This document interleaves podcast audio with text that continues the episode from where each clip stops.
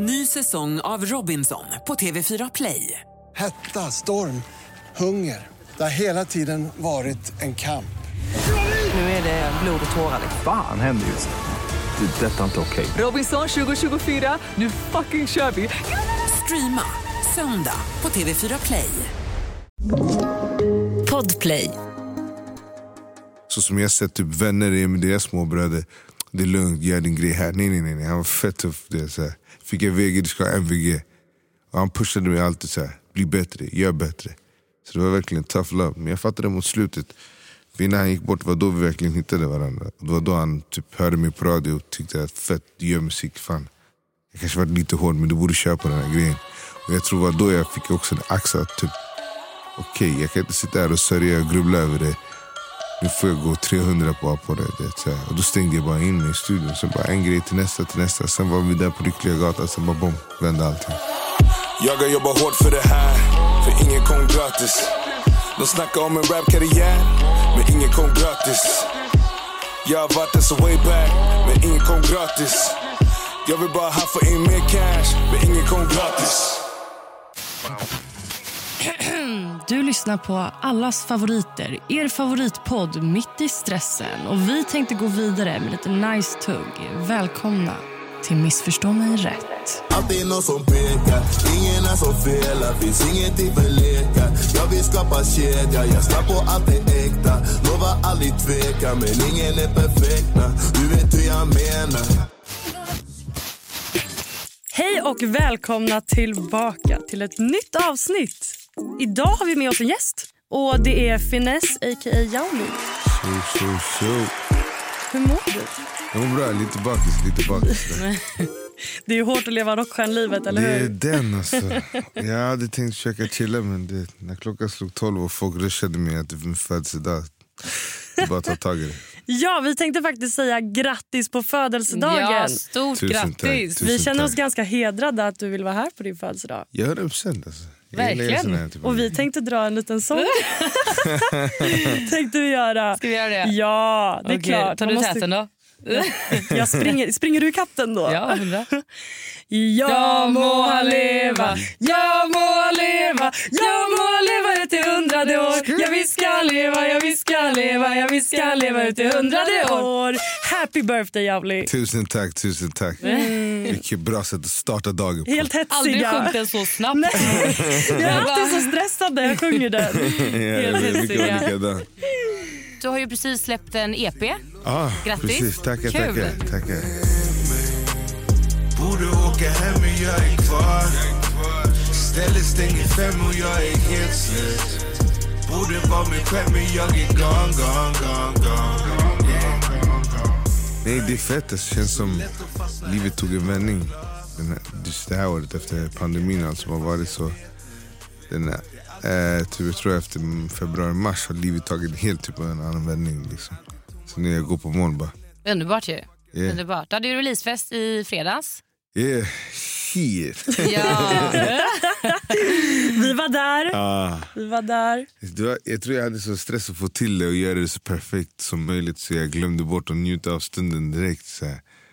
Men jag vet inte, alla verkade ha roligt. Liksom. Man hade jättekul. Jag var fan där till typ tre på morgonen. Ja, så jag jag, jag hade fett kul. Alltså. Nej, det var kärlek från alla håll och jag var såhär, shit fan fett det blev lyckat. Vi fick verkligen det att hända liksom. Så här. Det var mäktigt från att vara från huset till stranden till uppträdandet, sen tillbaka till huset. Det var bara mode hela vägen. Så. Underbart ju. Ja, jag såg på alla story. Jag var ju tvungen att dra. Ja. Så jag missade ju hela uppträdandet alltihopa. Jätteledsen. Men eh, min mamma var här på besök i Stockholm. Okej, Så okej. jag, jag var tvungen att möta upp henne och dra ut käka med henne. Ja men det förstår jag. jag såg på story. Jag var där en stund i alla fall. Ja, ja, ja, det är fett. Det är fett. Det var skitmysigt. Alltså just den här, ni sätter ju typ alltid upp liksom scenen och allting vid någon strand. Och, Ja exakt. och det är så jävla mäktigt tycker jag. För det blir en helt annan känsla. Mm, definitivt. Alltså, bra team. Och vi, allt var ju verkligen sista minuten. För vi blev av med ett hus och sen blev vi av med ett annat hus. Så fick vi tag på den här tror jag på onsdagen. Så på torsdagen gjorde vi allting. Helt Så vi dristiga. sov inte. Så jag bara fuck det här. Jag sprang mellan kontoret och tillbaka. Jag bara, Det är skitsamma, fuck sömn. Vi gör bara den här grejen. Ja. Jag tror vi såg två timmar per natt och bara köttade. Jag tycker det är standard dig. Ja, ja exakt. exakt. Eller det var jag som sov två timmar per natt. De gärna gick och slaggade. Så jag Det är bara, det. Det är bara du som driftar runt hela tiden. ah, så vad får det hända? Så jag tror typ, vad är det, söndags, det var då den bara, då kickade det in. Då var jag helt så här, död. Ja, men du är här idag. Ja, ja, ja. Det var bara en dag sen är jag tillbaka. Exakt. Det är bra. det är bra. Du, jag tänkte på, för folk som inte kanske känner dig eller vet vem du är, kan du inte berätta lite om dig själv, vem du är, vad du gör för typ av musik och bara... Definitivt. Eh, var ska jag börja någonstans? Den är alltid svår. Så här, vem är exakt, du? Berätta exakt. om dig Alltså, själv. med, med åren blir alltid så här annorlunda. Ja. Men typ, ah, musiker slash rappare. Jävla fel under namnet Finess. Född och uppvuxen i Hässelby. Började därifrån. Lite från Ken-eran, den yngsta lillebrorsan som tog facklan vidare. Gjort allt möjligt från att turnerat med fan, de flesta. Liksom, gjort låt med alla de största. Eh, Allt från Miss Li till Petter, till Timbuk, till Ison, till Tjuvjakt, till Sebbe, Kartellen, Abedaz. Min lista är väldigt lång hur mycket jag jobbat med. Till Ivo, till ODZ. Jag är, my- jag är mannen bakom kulisserna men mannen som jobbar mycket bakom kulisserna och rör sig runt i olika forum. Grymt. Fett. Yeah. Hur mycket fyller du idag, Jauli? Det är den, det är den. Det är Ja. frågan. Det är en frågan. hemlis. Det är frågan. Det är frågan. Det är den åldern man inte vill säga längre. Exakt, exakt, exakt. Nej, jag fyller 34 idag. Helt fräsch. Det är en helt bra. Helt. Ja, det är fräsch. värsta. Ja. Inte en dag över 25. Nej, är Nej. bästa toppen i mitt liv. 100 procent. Jag har hört att man toppar när man kommer över 30. Män Att det gör är ju då man det. börjar känna att så här, man börjar hitta sin plats, man vet vad man vill och att det är då livet börjar lite. Ja, ja, ja. Speciellt för det. Man kommer förbi den där fuckboy-eran. Mm, exakt. Så, eller, Han är en man nu. Ja. Vissa, vissa förr eller senare. Liksom. Jag vet vissa som fortfarande är ute i wilden. Alltså. Som skulle behöva sättas på plats. Alltså. Eller Det kommer alltid finnas dem. Nej, Alltid. gud ja. Men jag, Ja. jag är mammas boys. Det. Jag mognade Ja. väldigt tidigt i den där fasen. Liksom. Ja, det är bra. det är bra. Det är jättebra. Vad tänkte jag på? um, hur länge har du hållit på med musik och eh, hur kom du in på musiken? Eh, jag kan dra en lögn eller, så, eller ska jag vara ärlig. Nej, men jag tror musiken alltid funnits i mig sen jag var barn. Liksom, så här. Redan som bebis tror jag. En av mina favoritlåtar då minns jag var typ Paul Simon, If you be my bodyguard. Och jag fattade aldrig varför. Jag tror att den kom med, med åren. Då sa min syrra alltid så här. Nej, den låten kom när du var typ år innan du föddes. Men när du var liten, tre månader och skrek, då satte vi på den låten. Och då blev det alltid lugnt. Så det, jag får en viss känsla i kroppen varje gång jag hör den.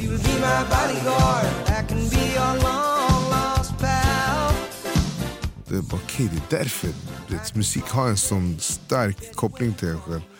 Sen var det dans, jag dansade mycket som liten. Streetdance, gick över till breakdance. Sen gillade jag pop väldigt mycket. Så hiphop och det, det kom långt efter det. Så här. Det var texterna med hiphop som fångade mig. Och på den tiden hade min brorsa precis kommit ut, startat ett skivbolag. Och då var det Ken och Petter och några han hade. Så, så Ken växte upp hemma hos mig, så det var väldigt nära. Och jag tror det var texterna som fick mig att falla för hiphop mer än att bara musiken.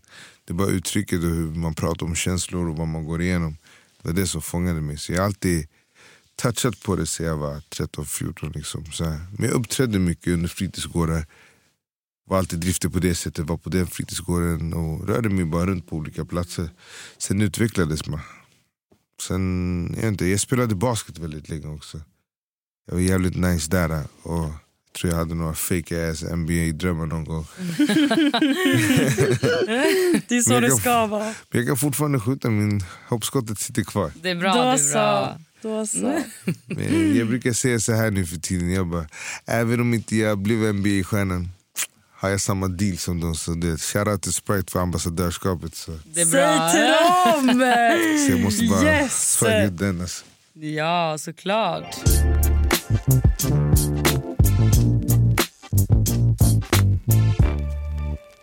Okej, Jauli. Mm. Du är uppväxt i Hässelby. Yeah. Hur var din uppväxt? Var liksom, har du vissa minnen som liksom bär starkare än andra? Eller? Definitivt. Eh, jag tror när jag växte upp, det var väldigt sagolikt på sättet jag kom upp. Men jag var yngst av sex barn, så man fick inte reda på hela sanningen av vad som egentligen försiggick liksom bakom stängda dörrar. Så jag fick allt, jag hade det skitbra, lätt bortskämd och så. Sen med åren började man fatta varför typ, en syskon hamnade i knas. Det var polis in och ut och hela historien hur min farsa egentligen var när de kom till Sverige. Och, vad min mamma fick gå igenom. Och sen börjar man sig finna sig mitt i det. Du, vet, så här, du kommer ut och du vet att din brorsa kanske är den mest toppade kriminella snubben i Sverige. Inte så här, i någon ort. eller nej, det är den verkligen respekterad på den nivån. Sen ska man försöka hitta sig själv i det hela. Från att De ber mig att inte vara som dem men i den vanliga världen kanske får kolla på mig konstigt för att ja, dina bröder är så, eller som nojiga för en. Så jag tror jag försökte hitta min plats mellan de här mellan världarna. Liksom. Det där kan man ju tänka på ganska mycket för att jag tror att folk lätt dömer utifrån Mm, familj och dylikt. Liksom. definitivt. Men hur har, du, alltså, hur har du känt i det att du liksom är uppväxt med kriminalitet runt dig? Och när insåg du egentligen att det var så? Alltså jag tror det kom sent. För att, vet, så här, jag, jag gjorde alltid som mina andra vänner gjorde. Eller typ så här, jag blev otroligt så här, Min mamma har alltid varit så här för att ja men ingen av er bryter när ni pratar. Ni, vi bor i Sverige, anpassa er. Det var, det var hela just den grejen. Eller i alla fall för mina syskon. Så jag tror jag aldrig, hur ska jag förklara, kopplingen till mina vänner som kanske hade invandrarbakgrund eller vad det var. Fast det var samma sak här men jag kände mig annorlunda där på något sätt. För jag tror det var mycket mammas uppfostran. Liksom. Jag åkte till landet, jag gjorde alla de här grejerna. Det var skyddsnät och sen blir du så här 12, 13, du börjar fatta grejer runt omkring. Du börjar höra, typ så, okay, men din brorsa har varit den här snubben, din brorsa kallas The Don. Och det, det hör ju olika saker. Så det blir ett stort namn att hålla bakom ryggen. Men samtidigt när jag kom hem är det inte så alltid. Om det inte var så att polisen sprang in och gjorde razzior, sådana saker, så var det alltid mina syskon, min brorsa som gick bort var alltid så här, men du vet, plugga, kunskap är makt, du ska bli någonting. Och jag hade svårt att ta in det förrän typ, han gick bort. Det var då jag började typ, göra självrannsakan och gå igenom vad är felet, vad, vad, är det, vad är det som ligger bakom allting. Och då började jag förstå vad han ville för mig. Min farsa var aldrig det, bra på något sätt.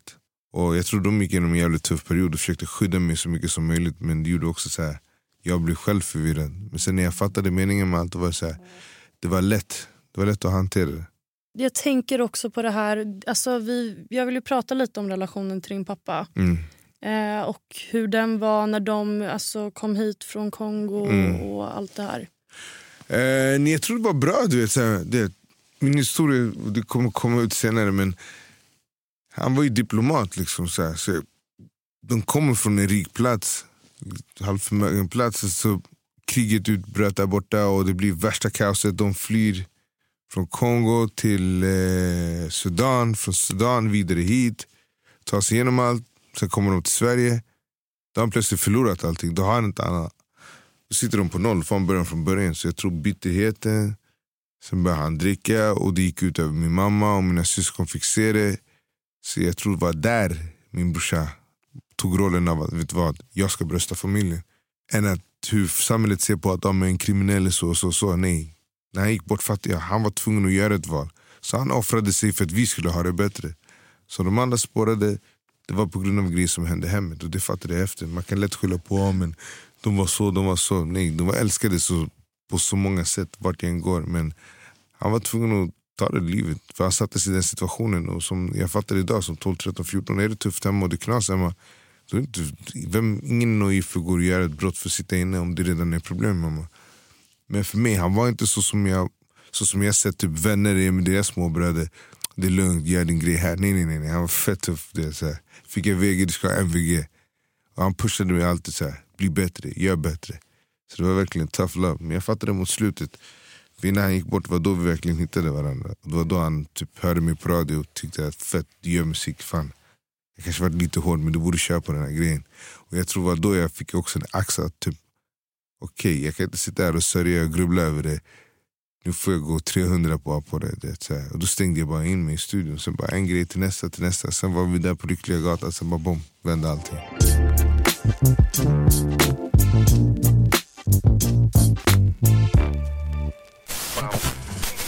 Ny säsong av Robinson på TV4 Play. Hetta, storm, hunger. Det har hela tiden varit en kamp. Nu är det blod och tårar. Fan händer just det. Det. Detta är inte okej. Robinson 2024, nu fucking kör vi! Streama söndag på TV4 Play. Ett poddtips från Podplay. I podden Något Kaiko garanterar östgötarna Brutti och jag, Davva, dig en stor dos skratt. Där följer jag pladask för köttätandet igen. Man är lite som en jävla vampyr. Man har fått lite blodsmak och då måste man ha mer. Udda spaningar, fängslande anekdoter och en och annan arg rant. Jag måste ha mitt kaffe på morgonen för annars är jag ingen trevlig människa. Då är du ingen trevlig människa, punkt. Något Kaiko, hör du på Podplay. Därför är gardinerna.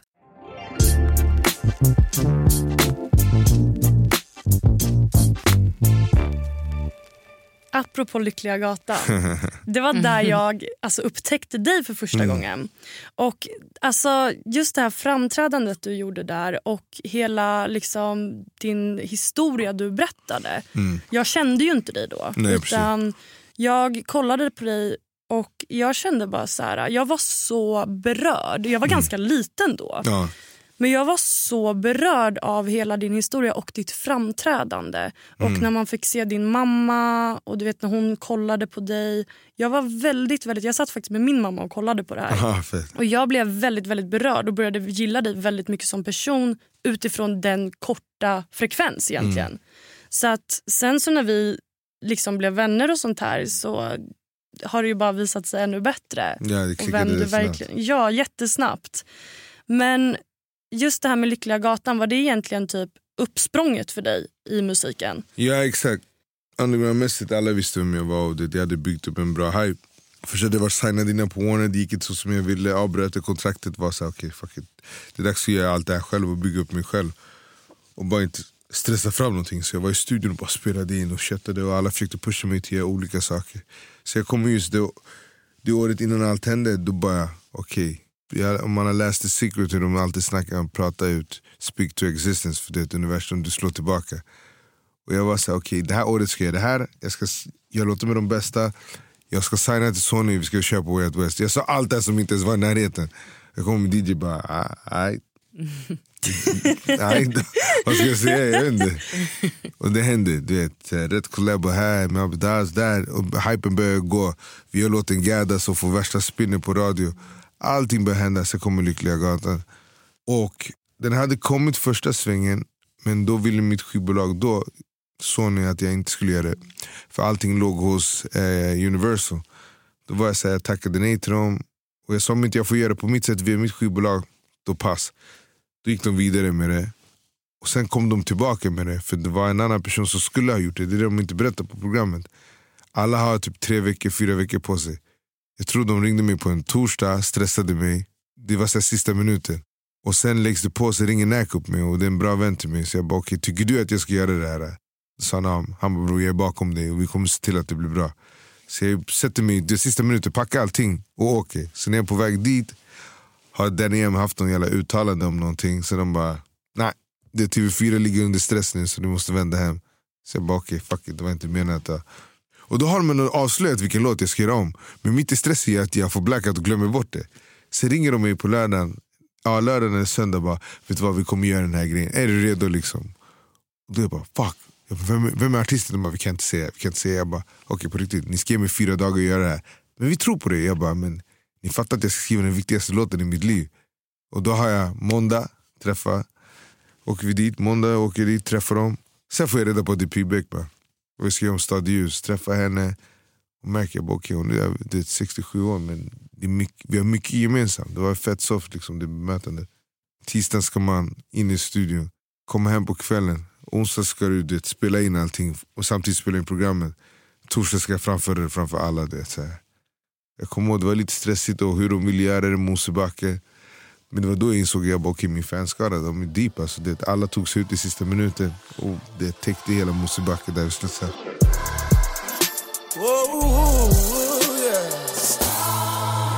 Hey.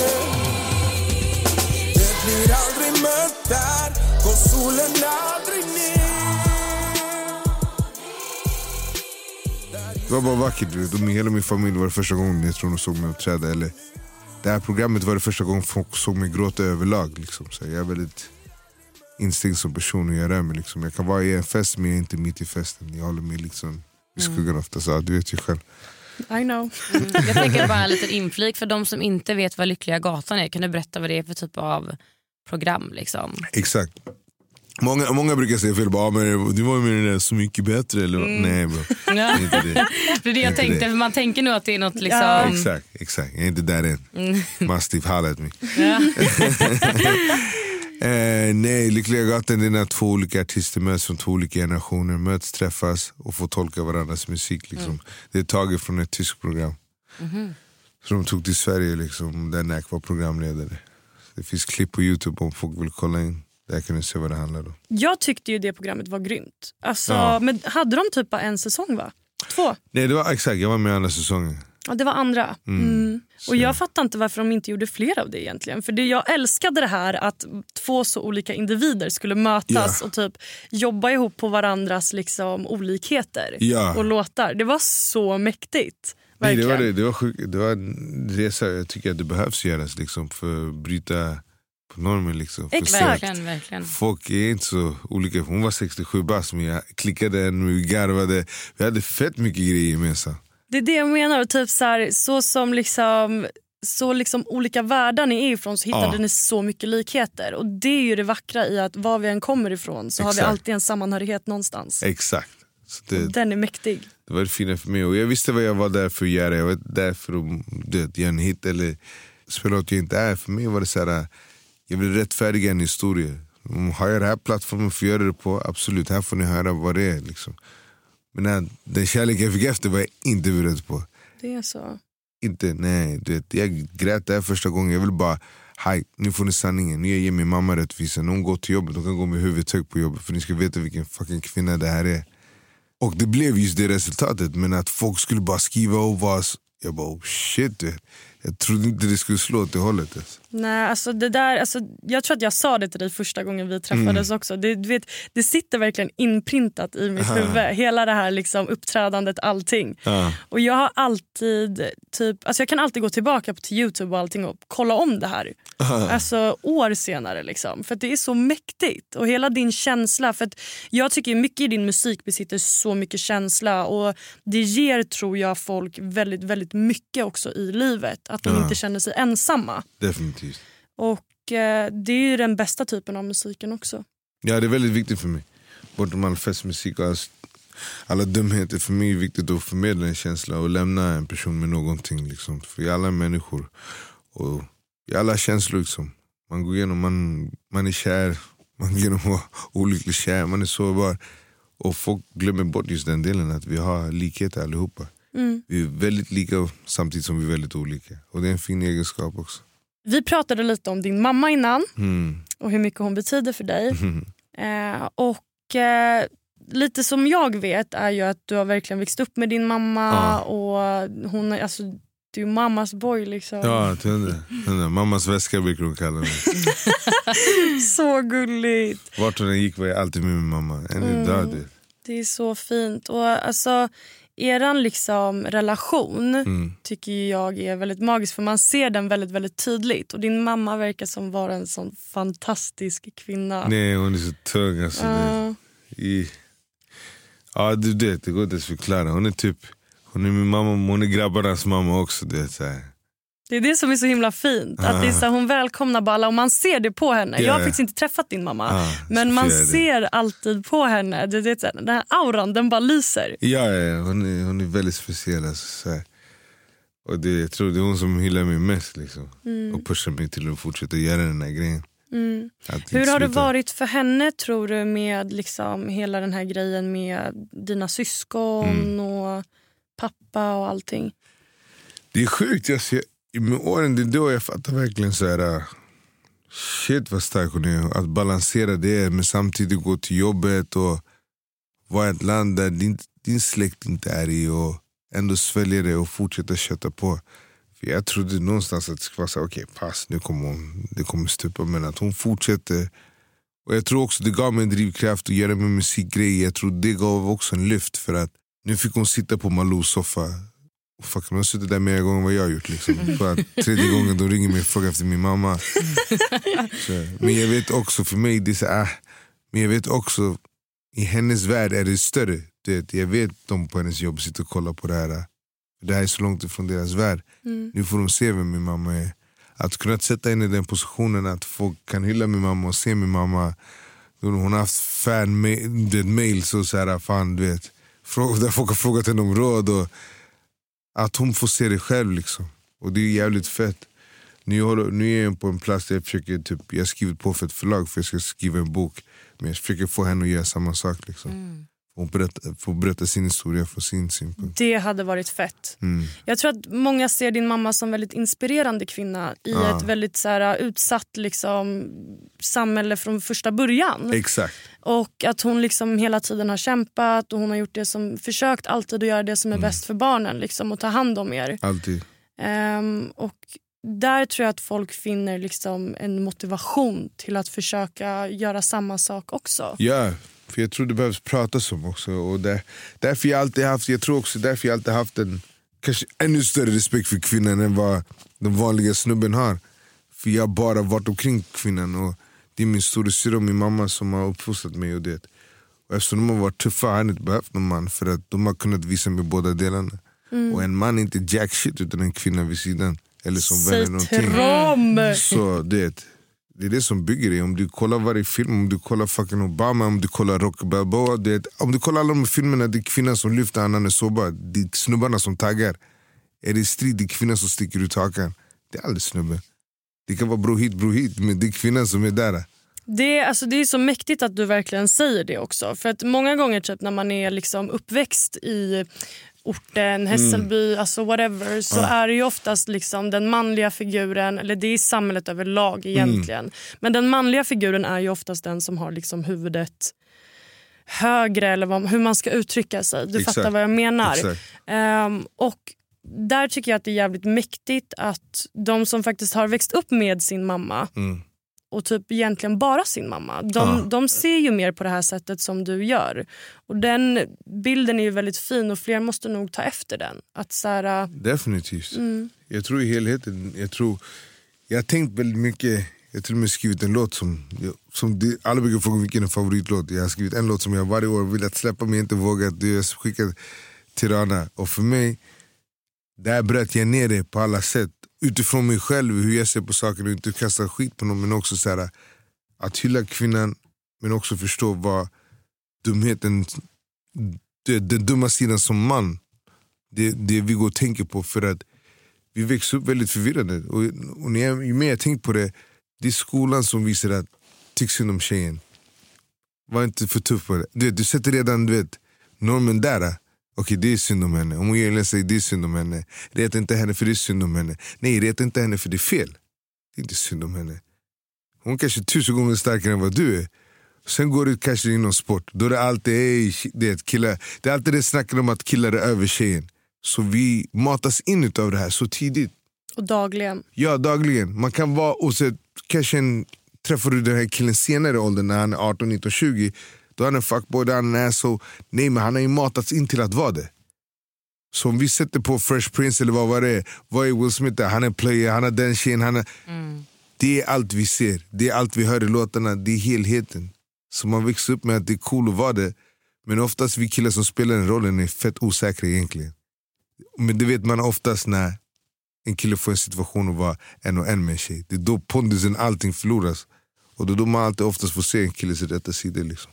100 procent. Alltså jag tänker mycket på det också för din musik överlag Mm. tycker jag är väldigt eh, bra i samhället idag. Mm. Jag tycker att den ger väldigt mycket för att idag är det bara liksom gangsterrappen om liksom hur livet eh, på senare åren. Ja. Det var ju helt annorlunda du vet när Kartellen var Ja, ja. och de körde, sin, de körde ju gangsterrappen men de berättade ju fortfarande om verkligheten Ja, definitivt. På ett helt annat sätt. Och jag, alltså jag, är ju så här, jag gillar alltså gangsterrappen idag, jag älskar hiphop. Liksom. Ja, 100%. Men den som faktiskt alltid touchar, det är alltid de som berättar sanningen och inte Ja. bara flexar.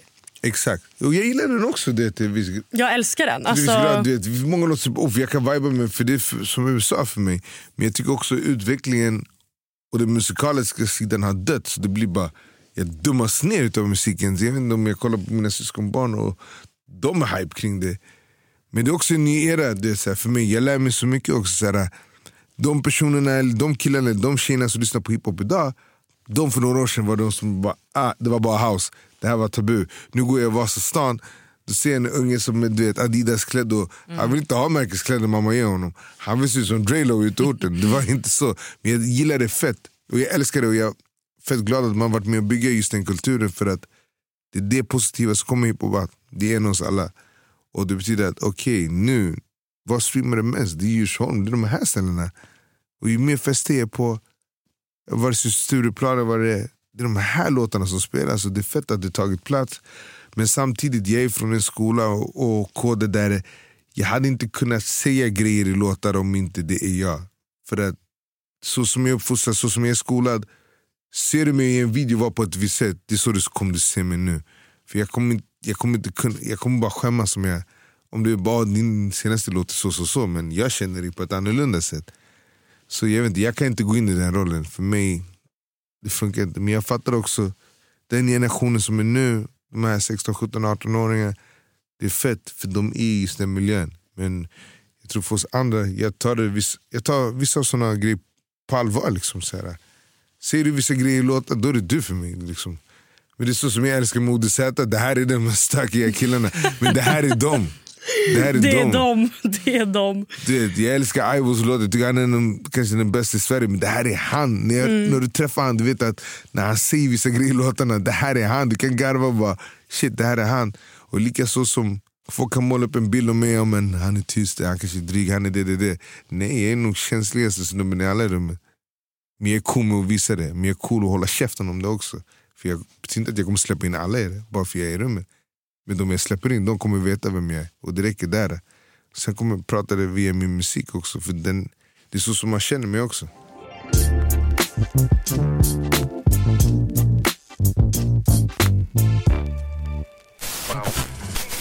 Ny säsong av Robinson på TV4 Play. Hetta, storm, hunger. Det har hela tiden varit en kamp. Nu är det blod och tårar. Fan händer just nu. Det. är Detta är inte okej. Robinson 2024, nu fucking kör vi! Streama söndag på TV4 Play. Ett poddtips från Podplay. I fallen jag aldrig glömmer djupdyker Hasse Aro i arbetet bakom några av Sveriges mest uppseendeväckande brottsutredningar. Går vi in med hemlig telefonavlyssning och, och då upplever vi att vi får en total förändring av hans beteende. Vad är det som händer nu? Vem är det som läcker? Och så säger han att jag är kriminell, jag har varit kriminell i hela mitt liv men att mörda ett barn, där går min gräns. Nya säsongen av Fallen jag aldrig glömmer på Podplay.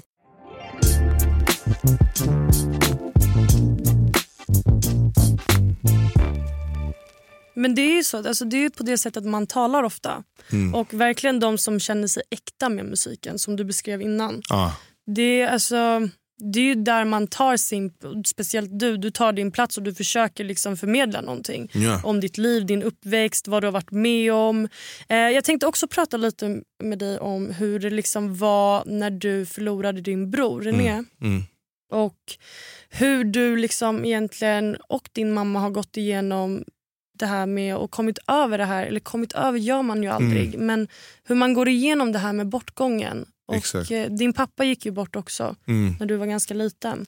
Ja exakt, när min, alltså, min farsa gick bort det var så här, Jag fattade aldrig vad relationen var. Jag minns bara så här, skumma saker med honom. Typ, så här, han lämnade mig hemma och åkte till Göteborg när jag var typ 6-7 år.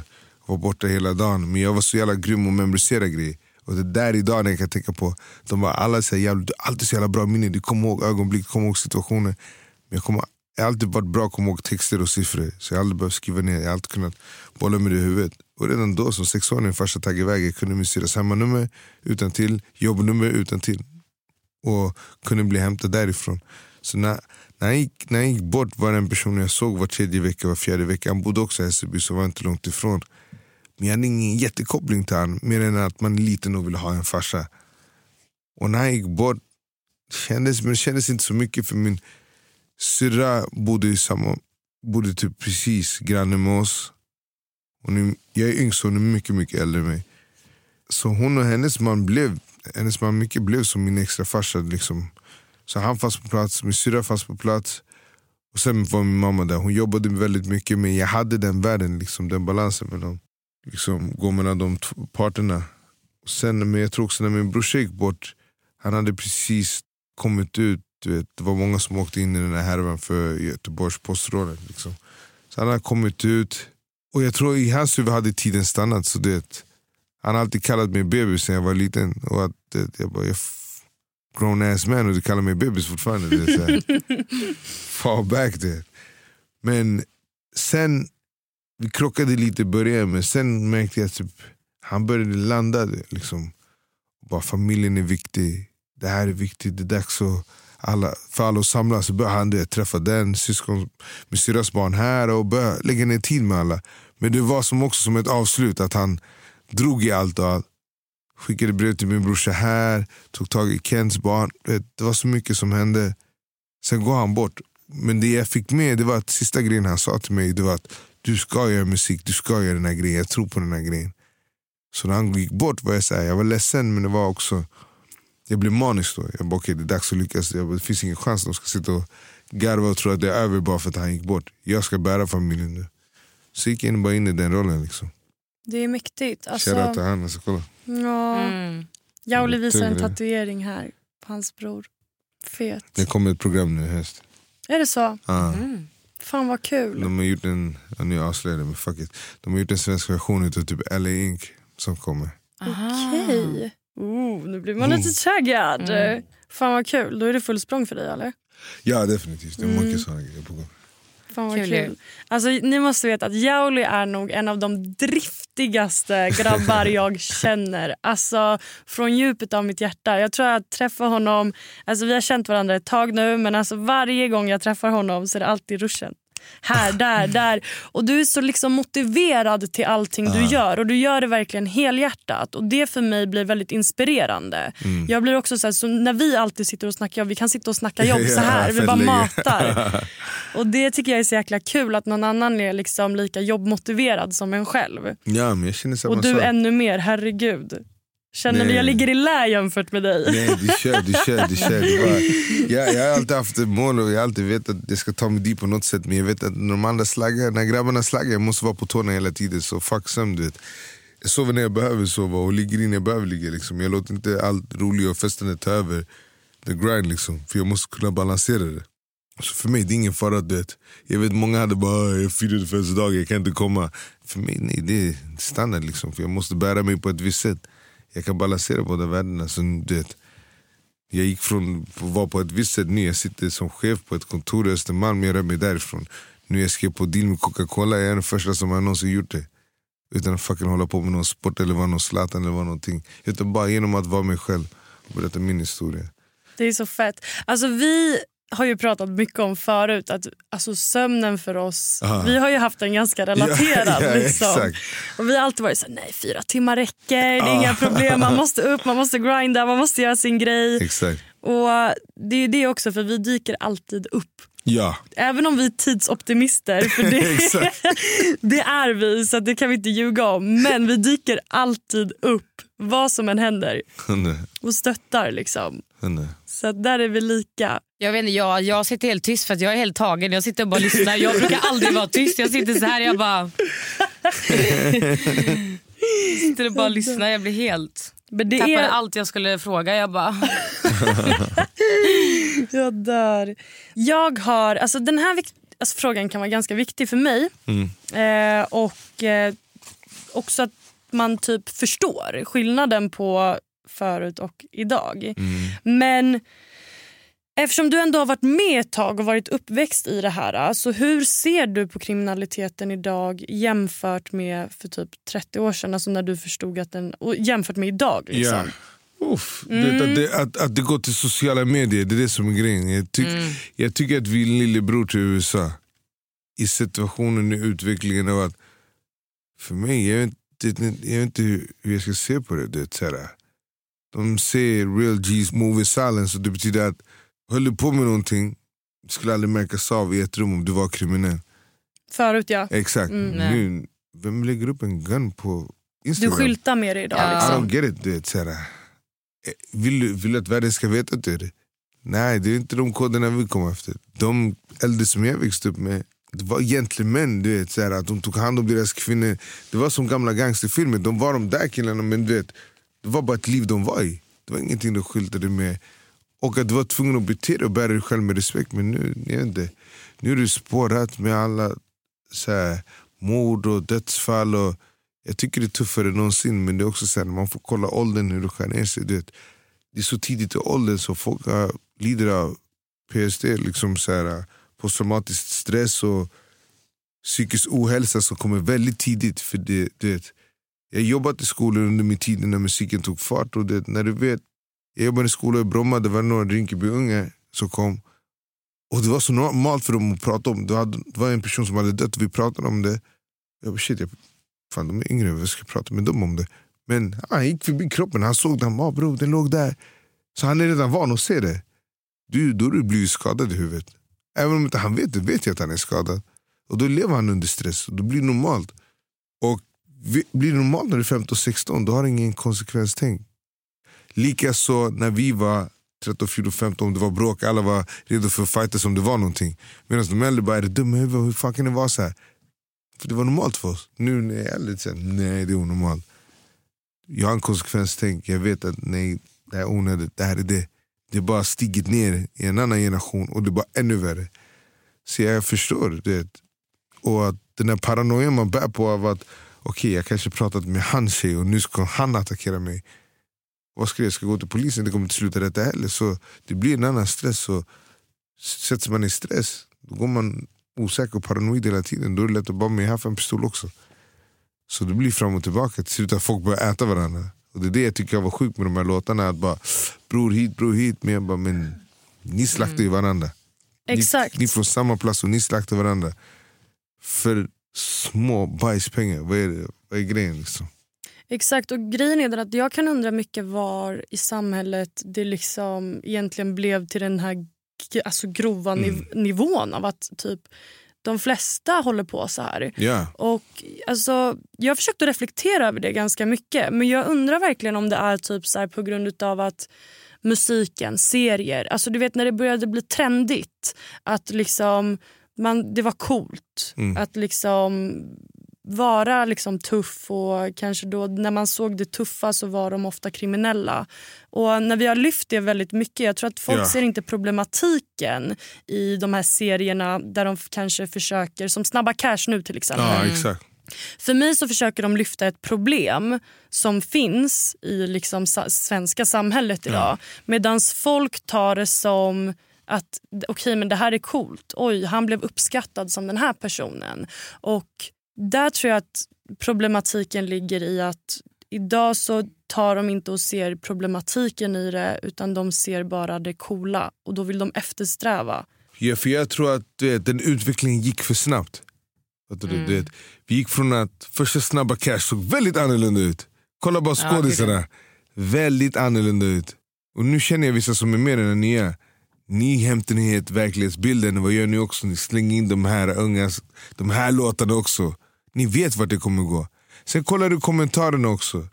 Det är kids som tycker det är skitfett. Mm. Mm. Och går man djupt in i det och tänker, jag minns när jag såg NWA-filmen med Dr Dre och allt det där. Och när, precis när de breakade och du vet, väldigt hårda i lyriken och så. Och så ska de värsta spelningen, de bara va? De bara okej, okay. i de här finare delen, Beverly Hills-delen, folk lyssnar på vår musik. Och det är samma som här. De som lyssnar, kolla statistikmässigt det är de finare delarna av Stockholm eller Sverige som älskar det här just nu. Det är då det har blivit accepterat och det är då det hamnar på program. Men jag minns själv för när jag skulle signa det, eller byta skivbolag för tre, fyra år sedan. jag hade inte kunnat släppa en hård låt över, överhuvudtaget. Det skulle vara catchy. Du var tvungen att ha den där hitten, typ. eller den balansen. Nu är skivbolaget såhär, ah, inte det förrän rap så kan inte vi signa dig. Nej. Så de vänder kappan efter vinden och det gör samhället också. Och ju mer du ser det på, jag ser det på tv eller Idol eller hur de pratar om rap nu. Oh, det var tabu för några år sedan. Men nu när det tar plats, ni vill sätta det överallt. Men ni vill inte hantera problemet, ni vill inte röra problemet. Men ni vill göra pengar utav det. Alltså verkligen det sista du sa. Det är, det är så sjukt egentligen. För det mm. känns som att det är så få som fattar också. Yeah. Alltså jag väljer, typ när jag kollade på nya Snabba Cash, liksom, då då såg ju jag hur det faktiskt är. För det är sanningen också mycket i det. Yeah. Och hur det ser ut. Så att, alltså, jag tror att de som har gjort den här, de har gjort den för att upplysa. Och inte för att det ska bli ännu, ännu värre. Nej definitivt, men jag tror också att det, går, det är en balansgräns och jag kan tänka mig du vet, det var grymma regissörer bakom det och skådisarna gjorde sin grej. Men sen när du har gjort den, okej okay, vi har budskapet. Men samtidigt måste vi sälja. Det är det. Mm. Samtidigt måste vi sälja. Och vad gör vi här? Tjäna och, pengar. Mm. Och, och, och sånt där som provocerar säljer alltid. Vi gillar det som provocerar. Det, det, det är som att säga sex säljer och det kommer alltid sälja. Mm. Så vi kommer alltid älska en ny Cardi B eller något sånt. För du vet, provocerande men samtidigt, hon har sin budskap för att jag tycker det är 100% rätt att vi behöver mer kvinnor som gör det. Men genom att det är få som gör det blir det någonstans att de, måste göra en business utav det. Men ändå har vi bara en Lauren Hill, förstår du? Det är det. Jag älskar ju både Lauren Hill och Ah. Megan Thee Stallion, Cardi B. Jag älskar ju alla de här. Men det är ju verkligen två olika liksom. Ja, definitivt. Och Megan Thee Stallion finns på grund av Cardi B. Och det behöver någon som bryter normen, man måste veta varför man gör det. Men Cardi B bara bra på att prata om det bakom kulisserna. Hon använder sin Instagram och ser hur hon känner, hur hon tycker, hur hon vaknar upp. Men det behövs mer utav det. Att visa, vet du vad, vi är bara människor. Vi är alla våra sidor. liksom. Så att folk får känna sig coola i sig själva. Så därför jag tror också jag har hållit i låtar som Tyrannen. För att jag kommer märka när det är dags att släppa just den grejen. Mm. För vi behöver prata om våra osäkerheter. Alla, som, det var någon intervju jag tror jag såg med Tia. Han bara, de bara, men du så varit så här, du varit den här typen och sen nu har du program och du är familjefar. Han bara, vem har tid att vara 100% gangster hela dagen? Och när jag sa det jag garvade. Jag bara, det är sant. Vem, vem har tid att gå runt och vara skittuff och vara... Bro, kom igen. Framför alltså. familjen också. Han bara ja. Ja, exakt, exakt. Du vet, come on man. Du vet. Jag dör. Vet du, jag har faktiskt en fråga från min mamma. Oh, För att hon-. Ja, hon, jag berättade innan jag var på jobbet att du skulle komma. Mm. Och hon, hon gillar ju liksom politik väldigt mycket och Mm. hon är väldigt insatt i liksom, för att göra typ alla till bättre människor. Mm. Och att alla ska ha det, kunna ha det bra. Och en Ja. säker uppväxt som barn är hon väldigt, väldigt inne på. Ja. Och hon bad mig att fråga, tror du att typ dina syskon då, då Mm. Hade haft en, en, om de hade haft en annan uppväxt med sin pappa och en Mm. fadersgestalt som kanske hade varit bättre. Tror du att de hade hamnat i banan Aldrig. i kriminaliteten? Nej. Aldrig. För att du vet, så här, om jag, alla var skitgrymma på vet, Två, tre av mina bröder var skitgrymma på fotboll. Alltså, det, min och min brorsa var med juniorlandslaget och spelade med en av de bästa spelarna i Sverige, Fredrik Ljungberg. Han var på den nivån. Men det var ingen push, det var fel saker som hände hemma. Och typ om jag skulle ta det ner, om du tar bort de stora grejerna och när han gjorde Vet du vilken IQ det krävs för att gå in och göra det där? Typ och, och stänga av hela Göteborg utan att skada någon. Och det, fejka dem, ta någonting från Napoleonkriget, sitta och scouta ut i skogen. En person gör det där, vet du hur smart du måste vara då? Till Leif GW Persson sa själv, han, bara, han, hade lekstuga med poliskåren. Han fick dem att springa åt ett helt annat håll. En person. Därför han var så fruktad för att de bara shit, hans hjärna är någon helt annanstans. Men förstå vad den där IQn hade gjort en annan väg om du bara, okej du är här om jag pushar dig och går hitåt Mm. istället. Och det är så jag tror jag alltid sett på livet av att jag kommer aldrig respektera den person som ligger på en soffa och inte gör någonting och tycker synd om sig själv. Varje man som gör det, du kan spela tuff hur du vill ute men om du ligger på soffan och inte tar hand om ditt shit, likadant som jag ser de här som flashar videos Bro, din mamma bor kvar där hon bor kvar, du betalar inte hyra, du bor hemma. Så det är lätt att ha några tusen att göra här för att du står inte för någonting. Du tar inte hand om dig själv. Men en person som är knas eller becknar eller ute och gör inbrott, det, som bara är aktiv. Det är lätt, lätt att döma men fattar om du skulle bara, okej men låt mig lära känna dig och ge dig rätt verktyg att bara lägga det här. Så om du springer på löpbandet här, låt mig bara skicka, ändra riktning. Då kommer du få se resultat. För det här kommer från många från gatan har lyckats. För att de spårade så jävla tidigt att ingen såg dem. De hade ingen självförtroende. Så fort de fick det att hitta, ah, men jag är bra på det här, jag är bra inom bygg, jag är bra inom, inom försäljning, jag är bra på öppna ställen. Boff, så har det flugit för dem. För de har alltid varit aktiva. Så definitivt, att ha en, ha en bra uppfostran gör väldigt mycket. Och jag har lärt mig det mycket genom att så, min syrra son, när jag såg honom växa upp. Det var så jag började se på livet. Han spelar basket, han gör allt det här. Nu är han på väg, vet, han har varit i Spanien och spelat proffs, nu är han på väg till college och full scholarship och hela den grejen. Men min syrra och hennes man har alltid varit på plats.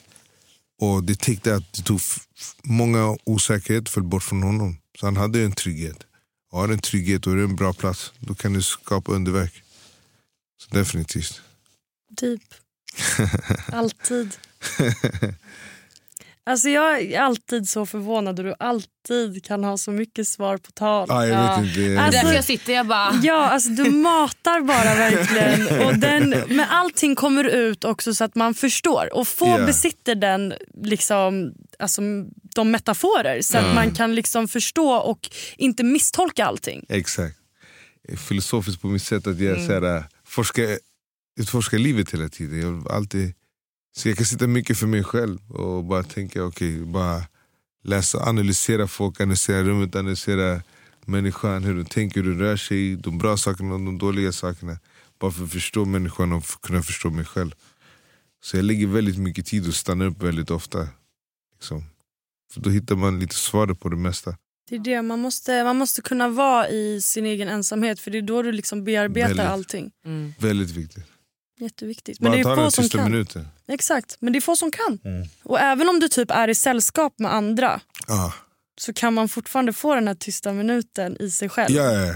Man måste bara lära sig att hitta den liksom punkten. 100 procent, du låter sig påverkas. Du vet. Mm. För vi är energimänniskor och jag märkte väldigt mycket. Och det sjuka är, och hon vet också det, det sjuka är man kan vara i ett rum, det kan vara festen, folk kan vara höga, folk har druckit. Är du den enda personen som håller käften och bara är så här folk kan vara du vet, bli stressade av att du är det. Men du kanske är en utav hundra, alla är igång. Men Mm. varför reagerar du hitåt? För det är någonting som stressar dig. För Mm. Det är så stark energi hos en människa som håller på att samla sig själv. Och bara okej, jag kan vara här men jag är inte här samtidigt. Exakt. Och jag märkte i så många situationer folk blir så otroligt stressade. Hur mår du? Är det någonting? Mm. Ska jag hämta någonting? Det är lugnt. Det är lugnt. Fokusera på han som har däckat där borta Ja. istället. Men du fokuserar på Ja. den som- är helt lugn, helt nykter. Ja. För det är stress. Sant. Jag tror att det är stress men jag tror också att folk eh, vill prata med dig. För att, alltså, I de situationerna Ja, till jag exempel. hatar De, ja, jag vet, jag vet. Du vill ju bara vara ensam då. Kolla på Men, min fest, jag var inte ens där. nej, vart fan var du? Jag var uppe i rummet ensam. Ah. Jag var tvungen att samla min egen Mm. energi och bara och bolla med allting. Men ingen catchade mig, jag gick ett varv och bara... Alla bara "Jävlar, Du jävlar", jag bara, filtar allt, alltid. Sen var jag själv. Jag dör. Nej, men det är det. Alltså, jag tror att jag drog mig till dig väldigt mycket på grund av att eh, jag förstår dig väldigt Mm. mycket. Och typ så här, Som vi har pratat om förut så liksom, i många situationer så har vi kunnat prata och relatera väldigt mycket till varandra. Mm, så I liksom, händelser i livet Så och såna saker. Så att, och jag drar mig väldigt mycket på energier till såna Mm. människor.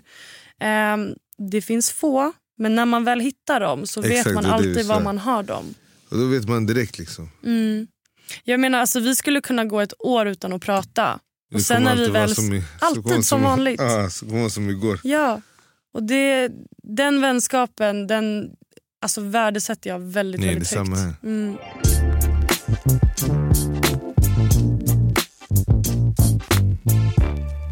Vi har faktiskt tio snabba som vi ska Mm. Låt oss. ask you. Många grattis hit, grattis shit. Bombas i telefonen. To ya. Happy birthday to ya. Ja, vi tänkte att vi avrundar med tio snabba för att Mm. vi har bara fem minuter kvar här. Vi har bara, herregud det gick jättesnabbt. Ja. Jag har suttit här och bara helt eh, tagen. Ehm, Okej, tio snabba frågor till Jauli. Emma lägger täten. Ja, det, jag kanske ska prata lite så jag tänker jag tar de snabba. Ja, du tar dem Emma. Är du Är du med? Jauli? Låt oss. Okej, det är snabba då. Så att, eh, vi börjar med pengar eller kärlek? Uff, kärlek. Vinter eller sommar? Ooh, vinter, sommar, ja, vinter. Vinter! Sommar, alltså, sommar. Men du vet, jag vet inte. Det är så här, jag gillar mörkret, jag gillar att zona Mhm. ut, jag gillar att vara ensam. Jag Mm. älskar sommaren, men jag älskar kvällen. Nu, när, förut kunde typ solen gå upp vid fem, nu Ja. går det känns som att det går upp vid tre. Men jag vet inte, det som sagt, jag är Batman tatuerad på mig. Det- Jag är, när mörkret faller, då är jag så här, yes. Ja, men då köper jag ändå att du gillar Då är vintern. han aktiv. Ja. Mm, det är den. Okej, eh, ring eller smsa? äh, ringa. Mm. Hemmakväll eller utekväll? Hemmakväll. Eh, bli dumpad eller dumpa? Jag skulle hellre bli dumpad med en som dumpar mig. Jag hellre bli dumpad. ja. Mammas boy. Okej, blind eller döv? Oh, blind. Jag, jag visste att han skulle säga det. Jag visste Ja, jag det. köper ändå den. Mm. Ja. Så det går på 100%. känsla liksom. Såklart. Singel eller förhållande? Förhållande. Familj eller vänner? Eh, familj är mina vänner. Havet eller pool? Pool. Pool. Snyggt. Jag touchar inte havet alltså. Nej. Jag är känd för den här grejen. Alltså. I ain't touching it. Även om det, även om det är så här klart. Nej! Nej, Ja, om det är nej, klart nej. vatten. Inte ens då. Så här, Jag fattar här i på- Stockholm nej, att man på- inte nej, vill bada nej, här. På 15-16 år har jag badat två gånger. Är det sant? Efter 16-17 år, nej kanske tre. För vi pallade kanot, någon välte det. Jag flög upp, jag flög upp som en delfin över det, tillbaka. Jag tror ingen har sett liknande. Alltså jag flög upp. Gången innan, jag tror det var efter gymnasiet, och en tjej bara kom vi går ner, vi går ner, vi badar. Så jag bara aldrig. Så jag bara okej, om du hoppar in du får göra vad du vill med mig. Puff, jag flög in. Tredje gången var förra året. Då körde vi 21 Jag slaktade Näk och en till kille. Och sen när vi var okej, vi bettade om någonting. Mm. Jag bara okej, men under press, jag föll. Så jag var tvungen att ta ett dopp. Och då stressade mig, jag vill inte göra det. Men när jag väl hoppade in, han bara okej, okej du behöver inte göra det här vill, du behöver inte simma. Jag ser att det inte här ser bra ut. Nej. Så jag dör. Men pool alla dagar. Ja, Och kanske man åker med en båt du vet, långt ut. Ja. Och du klarar, då kan jag bara, aj. Men långt ut är ju värst. Där du inte ser. Man vill ju hellre vara i början där det är klart vatten och du ser vart du går. Nej, för det finns alltid fiskar och grejer. Jag vet inte att de rör mig. Det, Men det är värre om du är långt ut och det är djupt. Nej, för om, om du åker med båten, då taggar alla fiskar allting. Det skakar om Den allting. skördar allting innan Aha, bara. Och, och så. då, jag, då dyker jag inte in, jag kanske Nej. halvplaskar. Och är nära båten, stegen Snabbt du vet. bara. Ja, ja, ja. Ja, han helt stressad, står på trappan på båten Ja, och bara det snabbt upp och ner. ja, ja. Halvplaskar. Åh herregud. Okej, Det var de tio snabba jag hade faktiskt. Eller Ja, vi fett. hade. Fett, det var bra frågor faktiskt. Jag har en till. Mm. Jag har en till. Okej, att eh, senast... Nej, att du Mm, det, får den. barn med den du senast låg med eller den du förlorade oskulden med. Och jag tar hellre det senaste jag låg med. Är det så? Facts alltså. Du var ändå snabb. alltså. Du var snabb där. Mm. Big facts alltså. 100%. Jag dör.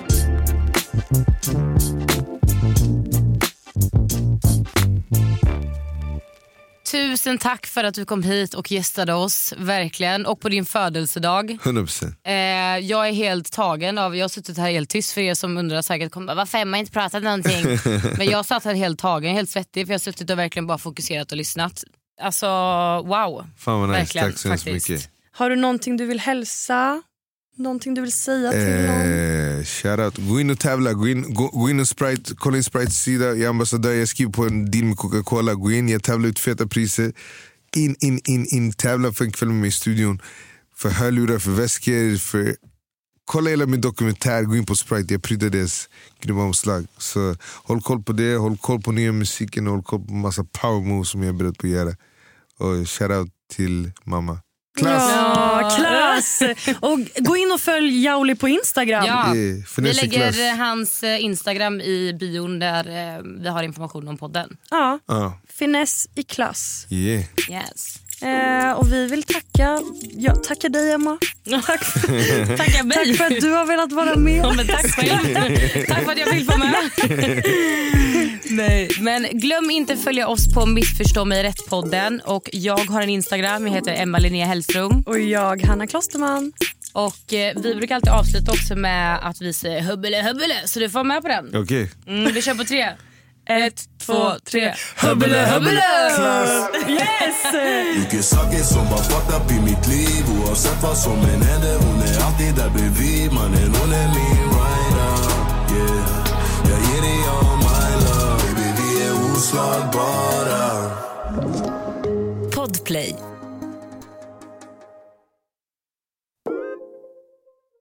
Ny säsong av Robinson på TV4 Play. Hetta, storm, hunger. Det har hela tiden varit en kamp. Nu är det blod och tårar. Fan händer just det. Det är detta inte okej. Robinson 2024, nu fucking kör vi! Streama söndag på TV4 Play.